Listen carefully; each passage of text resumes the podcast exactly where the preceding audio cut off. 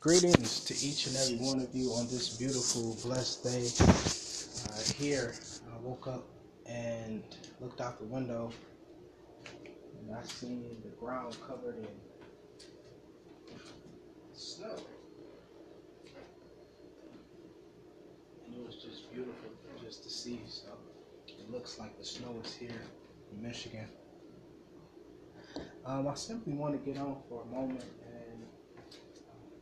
feel the teaching spirit on me to communicate uh, or further elaborate, stepping in on a lesson that I was dealing with uh, a couple days ago. He talks about joy and becoming a part of the body of Christ. First and foremost, I need you to understand that joy inner delight. And it has everything to do with God's deliverance. Whether God's delivering his chosen people, Israel, in Exodus chapter 2, it says that you know, while the Israelites were in Egyptian captivity, they cried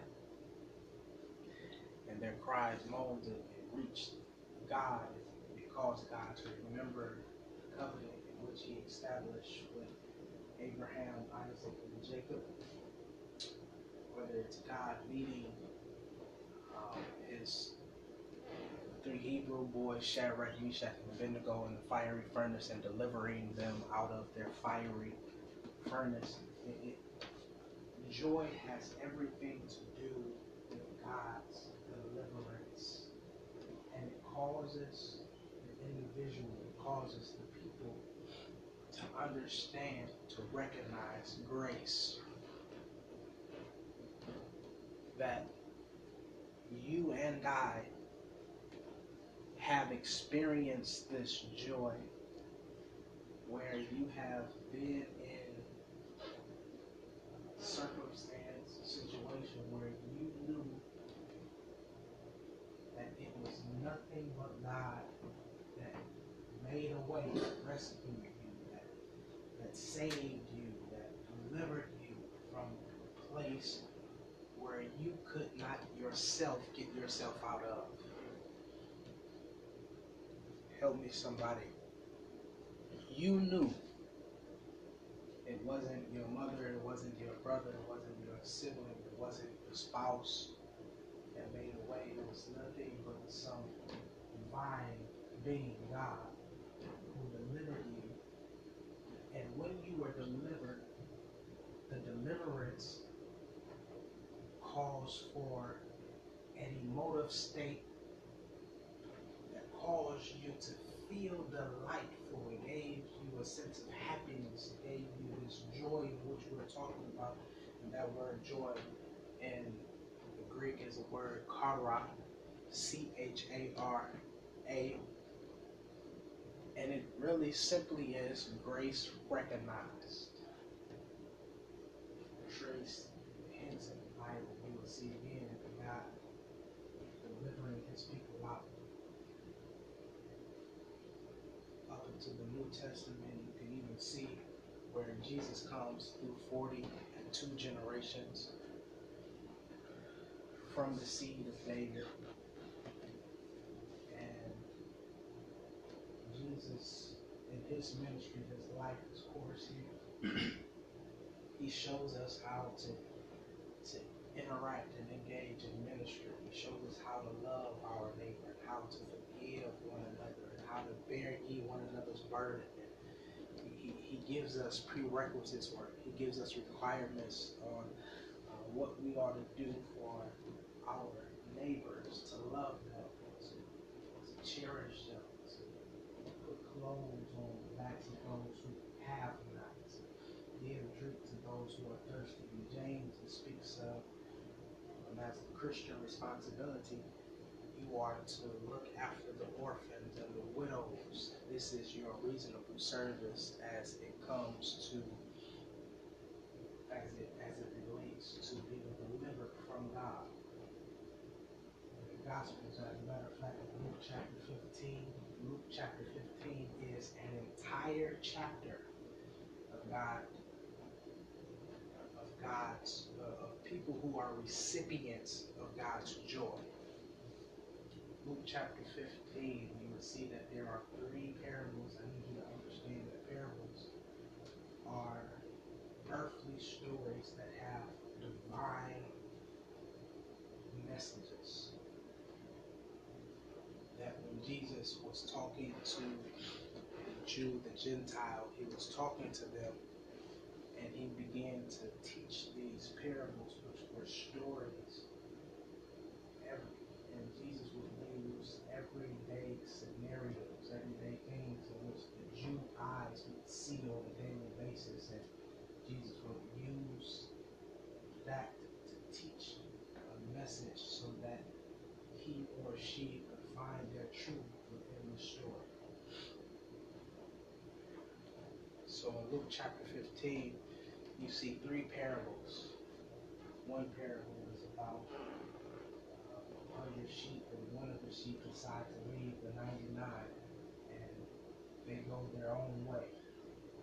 They stray away, and they are lost. And the shepherd, which is symbolic of God, symbolic of Jesus, goes and he finds that sheep,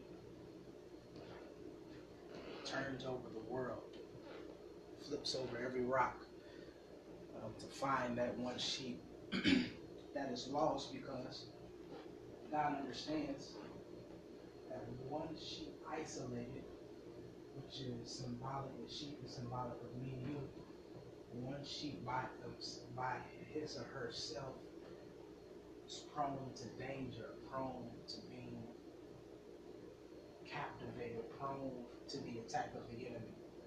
So what does the shepherd do? The shepherd leaves the 99 to fend for themselves because he understands that 99 sheep are better in the presence of one another uh, than one sheep who can't watch his, his own back.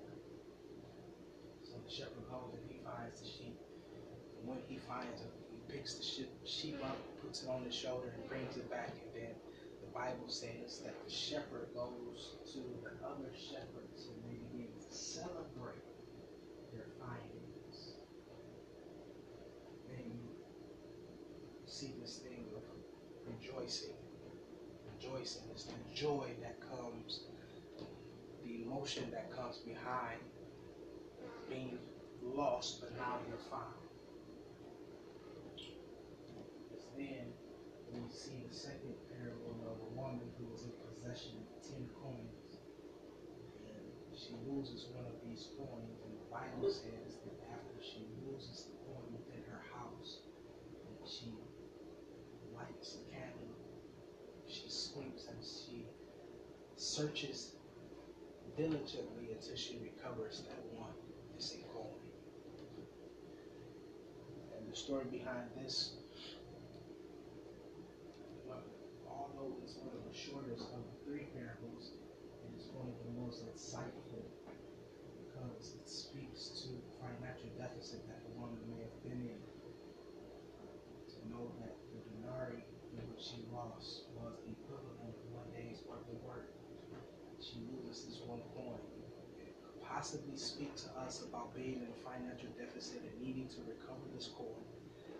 Some other scholars suggest that um, coin, ten coins together were worn as a headdress and it was symbolic as a wedding ring. If her husband were to come home and see that she did not have these ten coins stitched together, it would speak to her carelessness of her marriage. Just like you being with your husband and he takes his ring off and he carelessly leaves it somewhere and he it shows that he is irresponsible. So this woman goes through a process. She lights the candle, she sweeps the house, and she searches until she finds that coin. And when she finds the coin, the Bible says that she then calls the rest of her neighbors and friends to celebrate because she has this joy, this chara.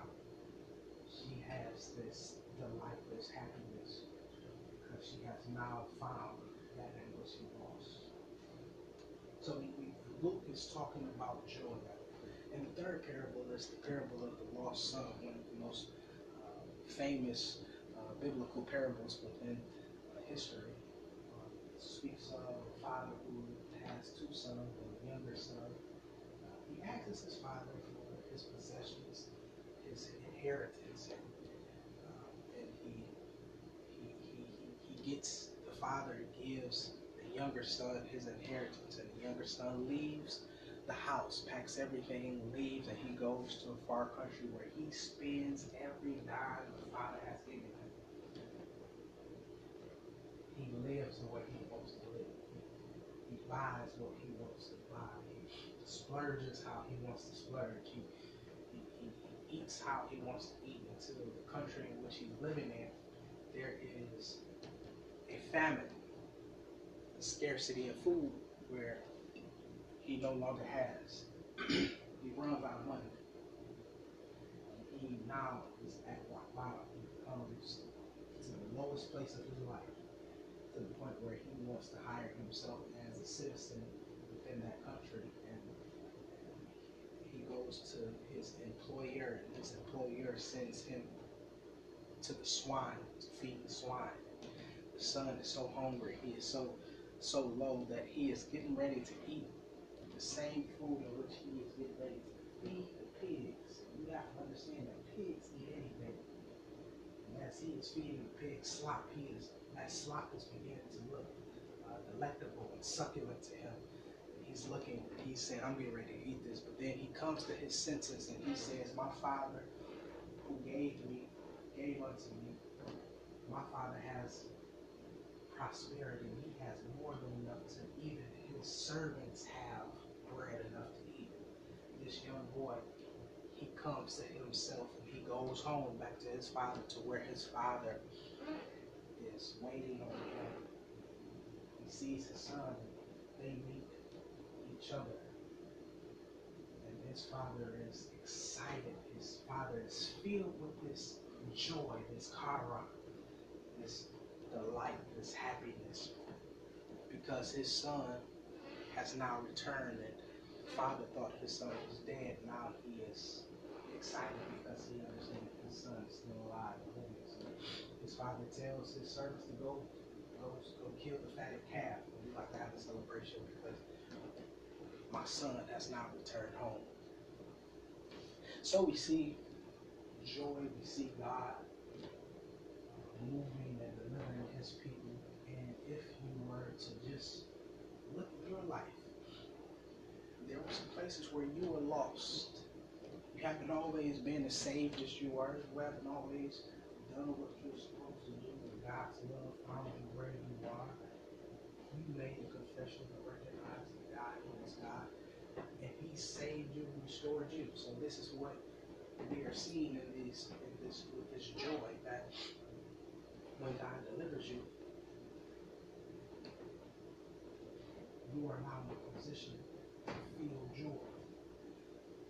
So now we move into where when, when God saves you, He saves you in solidarity. He saves you by yourself. He doesn't. Well, I'm not gonna say He does not, sometimes He saves a group of people. But most of the times He saves us individualistically. Um, that's why some of us have trouble with going with friends that we used to hang out with.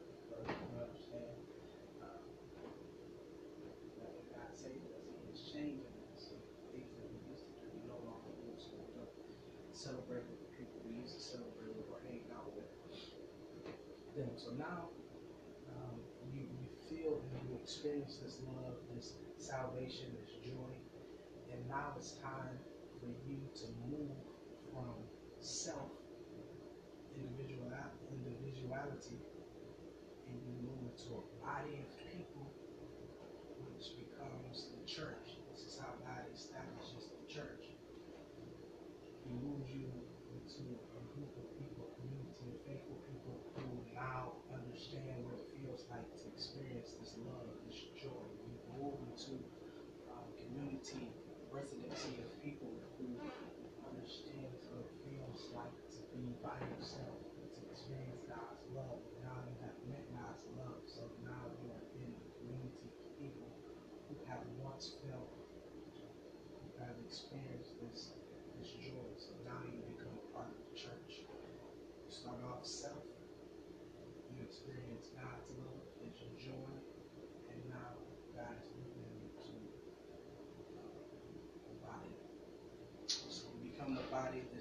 church is established. We find this in Acts chapter 1. God was to teach. Jesus comes in Acts chapter 1. He's teaching for 40 days. He's teaching. And this is where the church has begun to fellowship. And the Acts is now you see people who follow Jesus, follow God, and they have now experienced the power of the Holy Spirit, the authority, the dominion of the Holy Spirit. So now they begin to move by way under the influence of the Holy Spirit, and a lot begins to happen. Church is now formed. Now that you become the church, now that you have found your body of people, people who have been through what you've been through, who have seen what you have seen, uh, and now you are under the same umbrella. It's time to fill some needs. This is our Christian responsibility to now fill the needs of those who are less fortunate, those who have not experienced the joy of what you have felt. So you go throughout giving back. You know it was a form of love that came and touched you. Now it's your turn to be um, the recipient, or not the recipient, but it's your turn to participate in the gospel, spreading the word of God. Not just spreading the word of God by word of communication, that is one way, through our actions. When somebody is in need, we help. Express. Spread the gospel. Teaching the principle which Jesus taught us. Go about sharing our personal testimony of how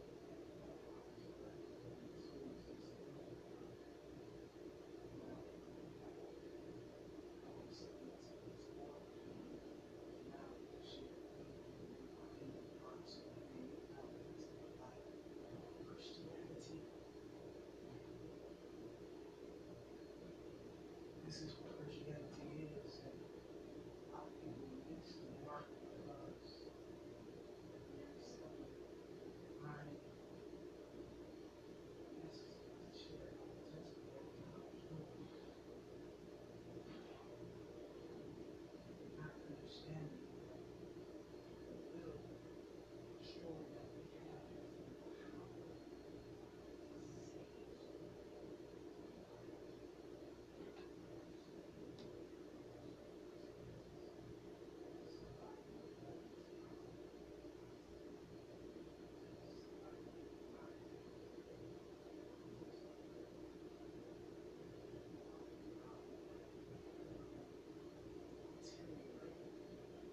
falling in love because they have yet to come in contact with your testimony to know that God is able to deliver. And once they understand that, once they come and hear your story, then they have just enough rope to come out of their pit. So now we see how joy saves you, and now it turns you from an isolated individual to where you are ushered into a community of people who have experienced the joy and the love and salvation and the faith and the peace of which God has freely bestowed unto each and every one of us. And now that you are part of this body, this body is unique because we all come with distinct gifts and characteristics that have the ability to edify, lift, or exhort other people, to build up other people. We all have spiritual gifts that we that, that, that are different, but yet what makes this so significant is that God trusts us to be as one. So now we talk about this whole theme of oneness. What does it look like to be in harmony yet? What does it look like to be yet different, but to act as one? One Lord, one faith, one baptism. Now we're talking about oneness. Because when the Spirit falls over you, there is no individuality. Now we're one. We're like minded. God allows us to have these different spiritual gifts. Spiritual gifts to bless and lift up his people so that the kingdom of God may come on earth. God has a way of sustaining the church. God always has a way of sustaining the church because God is a self-sustaining God. You go back to Genesis, which is the uh, creation story, you will see that God started with the seed, and that seed, you know, see the seed that produces seed makes more seed. So now, as you become a part of the church, church body, God is trusting you to be the seed that makes another of your kind.